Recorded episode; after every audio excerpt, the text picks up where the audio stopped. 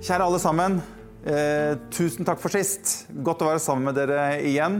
Og eh, jeg må bare først få lov til å si tusen hjertelig takk til Simon Mella og Marion, som har hatt de to siste søndagene og har delt Guds ord på en så fantastisk fin måte. Det har vært utrolig bra å sitte og høre og ta imot. Og jeg er bare så stolt over å ha mennesker i kirken vår som kan komme inn og, og, dele Guds ord på den måten. Og det har vært utrolig bra, så tusen hjertelig takk til Simon og Marion. Eh, dette her er eh, adventstid. Vi har kommet til tredje søndag i advent. Og eh, det er jo veldig veldig spennende. Adventstid har jo med ventetid på noe som skal komme. Og vi, vi, vi venter på julaften. Det gjør vi jo alle sammen. Som dere ser her også, så har vi et nadværsmåltid som vi har gjort klart. Så vi skal ha nadvær rett etterpå at jeg er ferdig å, å dele Guds ord. Så uh, har du ikke fått med deg at vi skal ha nadvær, så, så, vil jeg bare anbefale at dere gjør klar et eller annet som dere kan være med på, slik at dere kan få lov til å ta del i nadværen, sånn at ikke jeg blir stående aleine og ha nadvær. Slik at alle dere som ser på, er med på nadværen etter at jeg har eh, delt litt i, i Guds ord. Eh, Adventstid handler jo om å vente på det som kommer, nemlig at Gud intervenerer inn i menneskets historie og sender sin sønn, sin eneste sønn, og kommer med dette fantastiske budskapet rett inn i menneskets historie. Og jeg er jo av og til ute og reiser, og eh, ikke så mye nå. har det vært i det siste, savner jo litt det. Men det er jo litt sånn at når du er ute og reiser, så så møter jeg jo eh, litt folk, og du kommer i kontakt med mennesker, og man begynner å snakke sammen. og Veldig ofte så kommer du til det stykket hvor de spør meg ja, hva er det du holder på med, du da? Liksom, hva er det du jobber med til daglig? Og så sier jeg at jo, jeg er, eh, jeg er prest, eller jeg, er pastor i en kirke. Og da er det veldig ofte hvordan den, den, si, den temperaturen, den atmosfæren, skifter litt.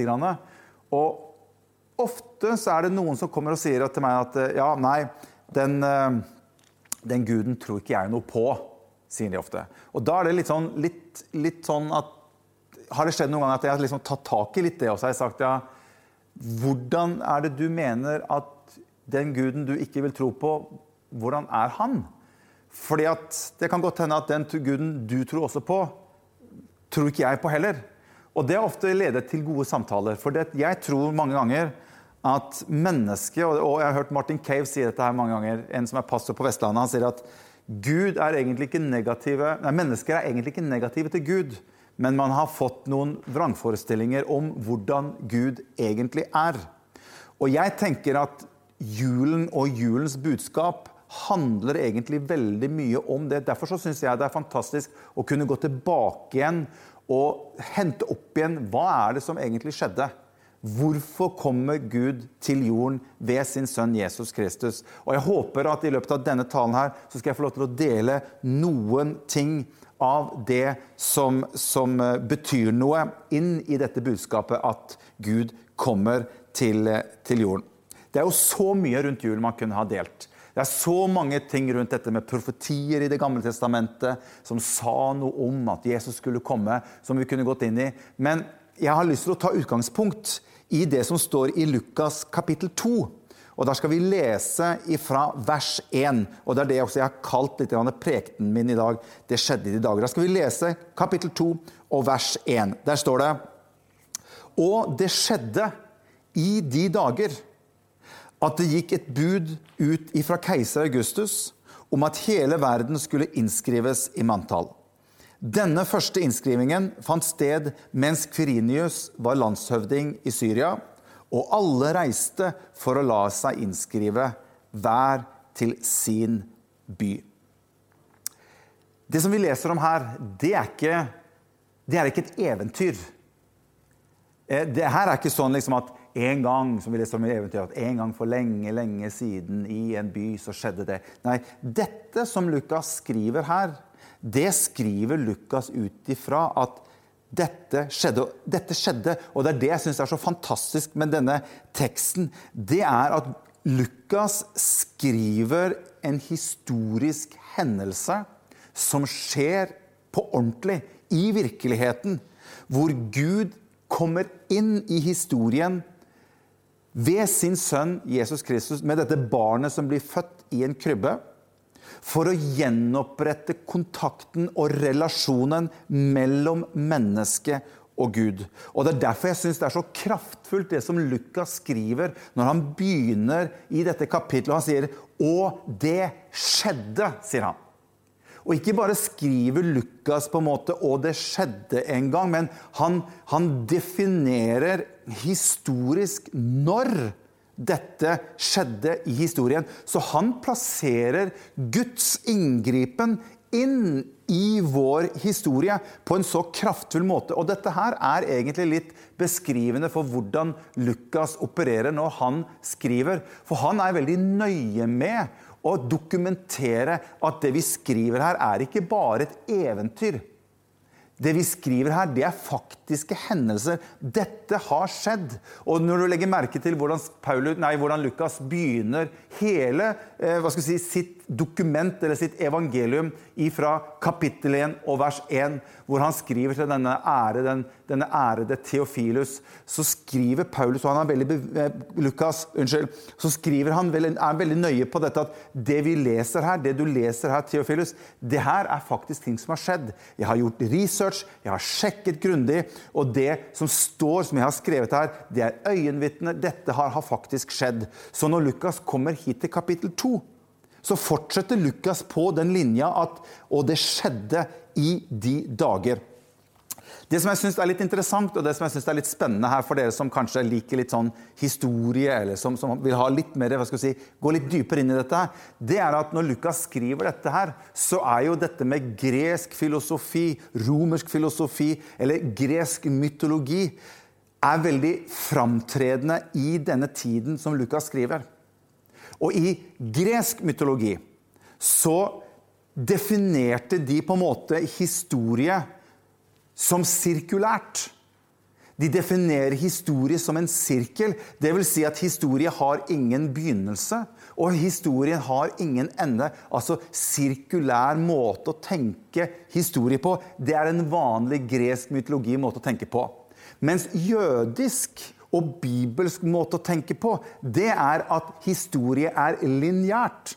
Det vil si at historien har en start, og historien vil få en slutt. Derfor skriver Bibelen helt klart at i begynnelsen skapte Gud. Altså Han starter en historie her, og så kommer den til å ta slutt en gang. Og det er det, det er det, Lukas gjør her også, når han skriver rett og slett for å definere at det som skjer her, det er at det, at det, er Gud som griper inn i vår historie.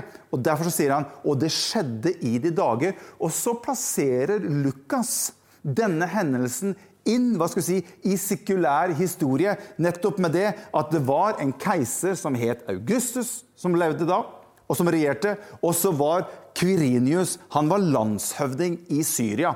Så han tar med seg historie inn, og så sier han at midt oppi dette så kommer Gud inn i vår historie i denne tiden her. Og det syns jeg er fantastisk fascinerende.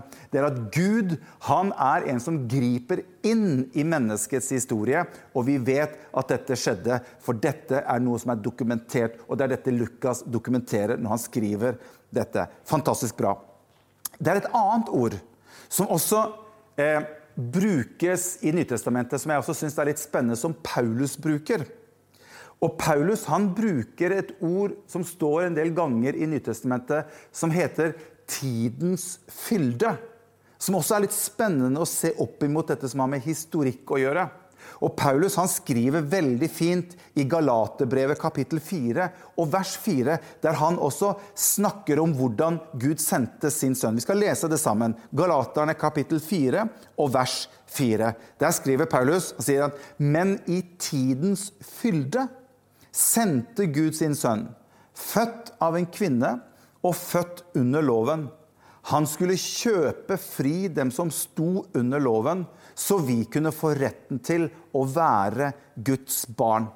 Så her ser du hvordan Paulus skriver om hva som skjer når Gud sendte sin sønn til jorden. Paulus snakker om at Gud sendte sin sønn i tidens fylde. Det er et veldig spesielt ord. Hva i all verden er tidens fylde for noe?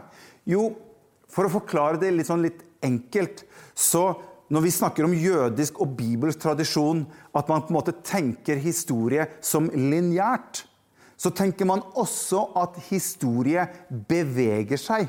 Altså Man tenker at historie kan, kan fylle på seg. At det, det, det, det, addes opp på en måte langs, si, mens historien foregår. Hvis du, du, kan, du, kan, sammenligne med at hvis du tar et glass og fyller glasset med vann, så er det på en måte historien som fylles opp. Og når historien eller vannet kommer til kanten av glasset, da når vi på en måte tidens fylde. Og det er det Paulus forklarer her til galaterne. At i tidens fylde så sendte Gud sin sønn til jorden. Hva betyr det? Jo, det betyr at Kanskje la oss si at man, man, politisk sett, eller religiøst sett, eller økonomisk sett, og, og, kanskje religiøst sett, så er det massevis av elementer som har bygget seg opp, og bare Gud vet når det er riktig tid for å intervenere inn i vår historie. Derfor sier Paulus i tidens fylde, som Gud vet om, så sendte Gud sin sønn. Så Jesus kunne ikke kommet noe før, han kunne ikke kommet noe etter. Han kom akkurat når han skulle komme. Fantastisk. Og han kom for å kjøpe oss fri, deg og meg, og hele verdens alle mennesker på jorden. Eh, før vi går inn og, og skal ha nadverd, så er det to ord som jeg har bare lyst til å dele kort med dere. Som er et resultat av at Jesus kom til jorden. Det to. Det første ordet er lys, og det andre ordet er kjærlighet. Jeg skal begynne med det ordet som har med lys å gjøre. Eh, det motsatte av lys, det er jo mørke.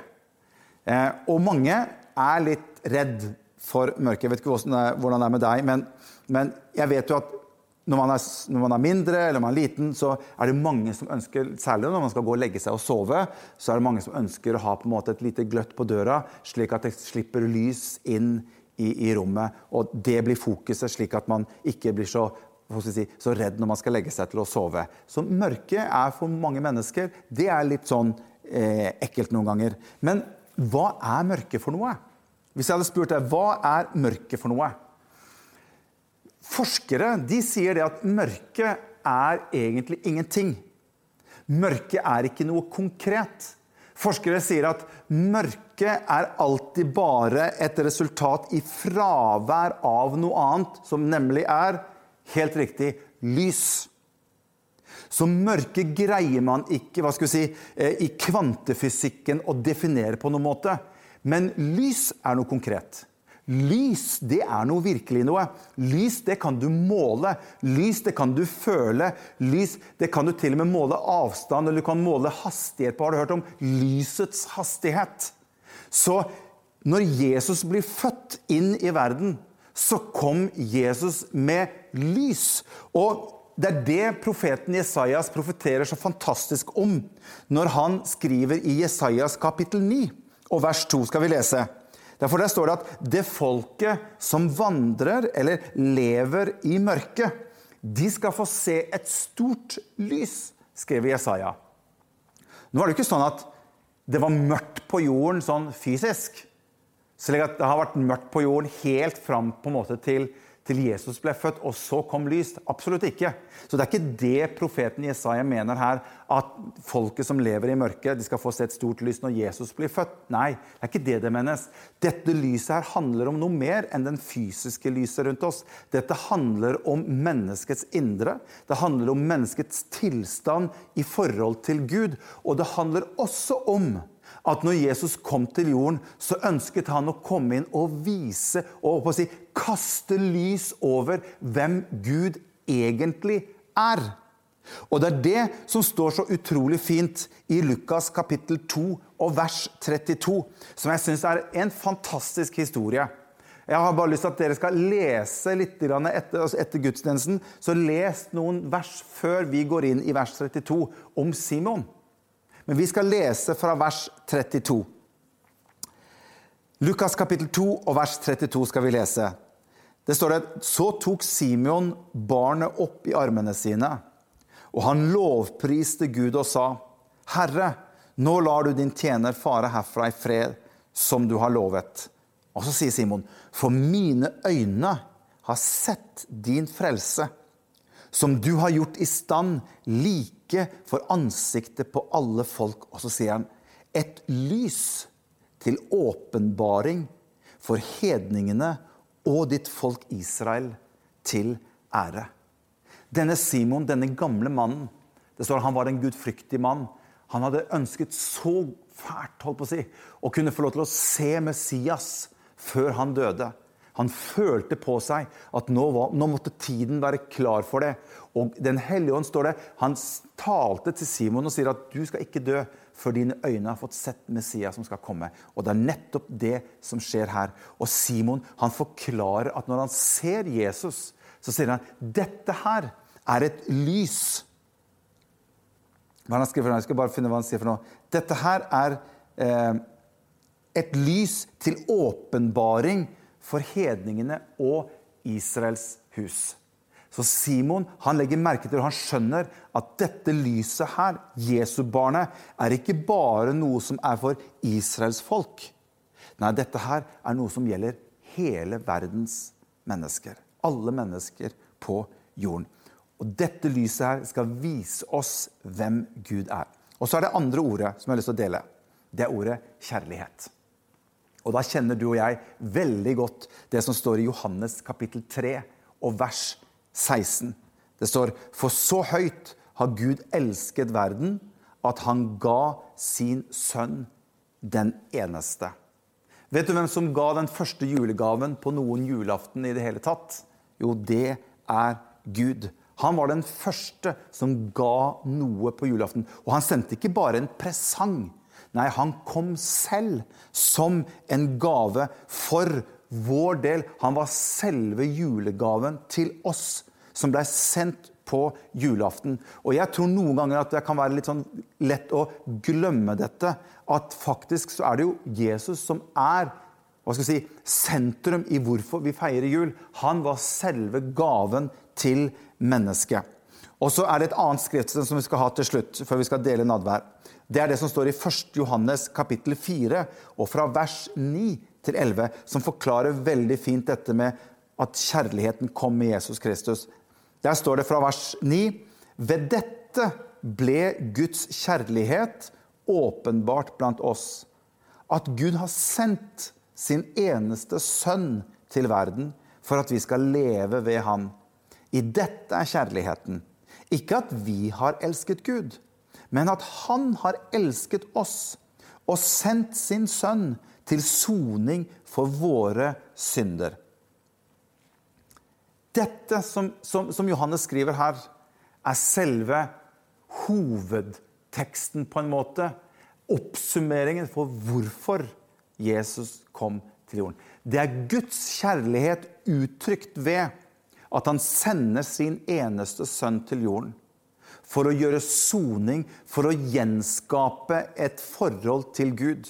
Ikke for at vi skulle komme inn i en religion, men for at vi skulle få til å komme inn i en relasjon til Gud. Det er stor forskjell på religion og relasjon. Religion det er det alle andre religioner handler om. Og jeg har studert mange av disse religionene. Det handler om at du og jeg vi må gjøre en hel masse ting for å nå opp til Gud. Gud gjorde det stikk motsatte. Den ene rette, sanne Gud. Han gjorde det absolutt stikk motsatte. Han visste at du og jeg kunne aldri greie i egen kraft å komme opp til Gud. Derfor så gjør han det stikk motsatte. Han kom ned til oss. Derfor så er det Guds kjærlighet til mennesket at han kom og han sendte sin eneste sønn for at vi skulle leve ved ham. Og så sier Johannes noe, og så sier han, i dette er kjærlighet. Ikke at vi har elsket han, men kjærligheten her det er at han har elsket oss mennesker og var villig til å komme. Ikke bare å bli født inn i verden, men han var villig til å komme for å gi sitt liv for alle mennesker. Og ved at han ga sitt liv for alle mennesker, så åpnet det opp en mulighet, slik at du og jeg kan få lov til å få en relasjon til Gud hvis du og jeg ønsker. Ingen vil elske deg noe mer enn Jesus. Han er den som har den ultimate kjærlighet til deg og meg som menneske. Og du og jeg kan få lov til å velge å ta imot han som vår frelser. Som denne gaven som Gud sendte til jorden, slik at vi kan få gjenopprettet kontakt med Gud. Vi skal gå inn i, i nadværen og så dele nadvær sammen. Og jeg håper at du eh, har mulighet til å bli med og, og dele nadvær med oss. Eh, har du ikke delt nadvær, så, så kan jeg bare oppmuntre deg til å ta del i det som vi skal, skal dele. Eh, mange mennesker opplever at det å ta del i nadværen det er noe fantastisk. Og vi gjør dette fordi at Jesus ba oss om å gjøre det. Når Jesus var sammen med disiplene, så ba han om oss om at vi skulle dele dette måltidet som et minnemåltid om hva han har gjort for oss. Og Jesus han sa at jeg vil at dere skal dele dette minnemåltidet så ofte dere kan. Og Nå har ikke vi fått møttes så ofte som vi har ønsket, men vi har ønsket å gjøre dette tilgjengelig, slik at du og jeg kan dele nadværsmåltid sammen. Og Da skal vi lese teksten sammen. Jeg har ikke det på, på, på, skjermen til dere, men jeg skal bare lese teksten, og så skal vi dele nadværen sammen etterpå. For der står det, Paulus han skriver det i 1. Korinterbrev kapittel 11 og vers 23. Så sier han at 'Jeg har mottatt fra Herren det jeg også har overgitt til dere' at Herren Jesus i den natt han ble forrådt, så tok han et brød, og da han hadde takket, brøt han det og sa, Ta og et, for dette er mitt legeme som er brutt for dere. Gjør dette til minne om meg. Og På samme måte så tok han også begeret etter måltid og sa, Dette beger er den nye pakt i mitt blod. Gjør dette så ofte dere drikker det, til minne om meg. For så ofte dere eter dette brød og drikker av dette beger, så forkynner dere Herrens død inntil Han kommer. Og det er det vi gjør med nadværsmåltidet. Vi forkynner nettopp at den sønnen som ble sendt til jorden, han hadde et oppdrag, nemlig å ta vår synd og skyld på seg. Han var villig til å gi sitt eget liv for å gjenopprette kontakten med Gud. Slik at du og jeg kan få lov til å velge selv om du ønsker at Gud skal få lov til å ha en relasjon til deg. Og jeg vil si til deg, Hvis du kanskje ser på, og du ikke har en relasjon til Gud, så kan dette være en åpner, dette kan være en døråpner for nettopp deg til å ta imot denne gaven som Gud sendte på julaften. Denne sønnen som skulle komme en, som en gave for deg og meg som menneske. Så det står at han tok et brød, takket, brødet og sa at dette er mitt legeme som ble gitt for dere. Så vi tar brødet, tar du en bit, og så skal vi takke Gud for brødet. Takk, Jesus, for at du var villig til å dø for oss.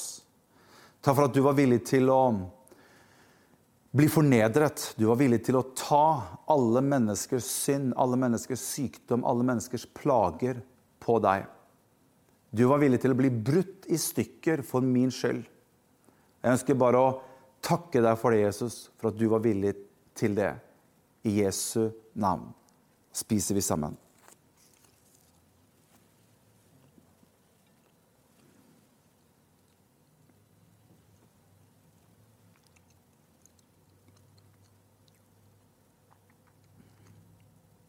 Dette begeret her, det er et symbol på Jesu blod. Dette begeret her er et symbol på, et bilde på, at han ga sitt blod for deg og meg. Slik at du og jeg kunne bli renset ren. Hvordan dette skjer, det er det bare Gud som vet. Men det vi vet, det er at han kom, han ga sitt liv, han ga sitt blod for at du og jeg ved hans blod kan få lov til å oppleve at vi blir renset. Og når vi drikker dette her nå, så er det til minne om at han ble et offerlam. Han lot seg selv ofre på vegne av deg og meg. Så Jesus, jeg ønsker bare å takke deg for at du lot deg spikes til kors. Du lot deg dø for min skyld. Takk for at du tok all min synd på deg, Jesus. Slik at jeg kunne få lov til å oppleve at jeg kunne få lov til å få en relasjon med deg, Jesus. Jeg takker deg for hver eneste en som ser på. Takker for mennesker som kanskje ikke kjenner deg eller har en relasjon til deg. Jeg takker deg at du er til stede nå, og mennesker kan få lov til å åpne sitt hjerte akkurat nå og ta imot deg til frelse. Takk skal du ha, Jesus. Da drikker vi sammen.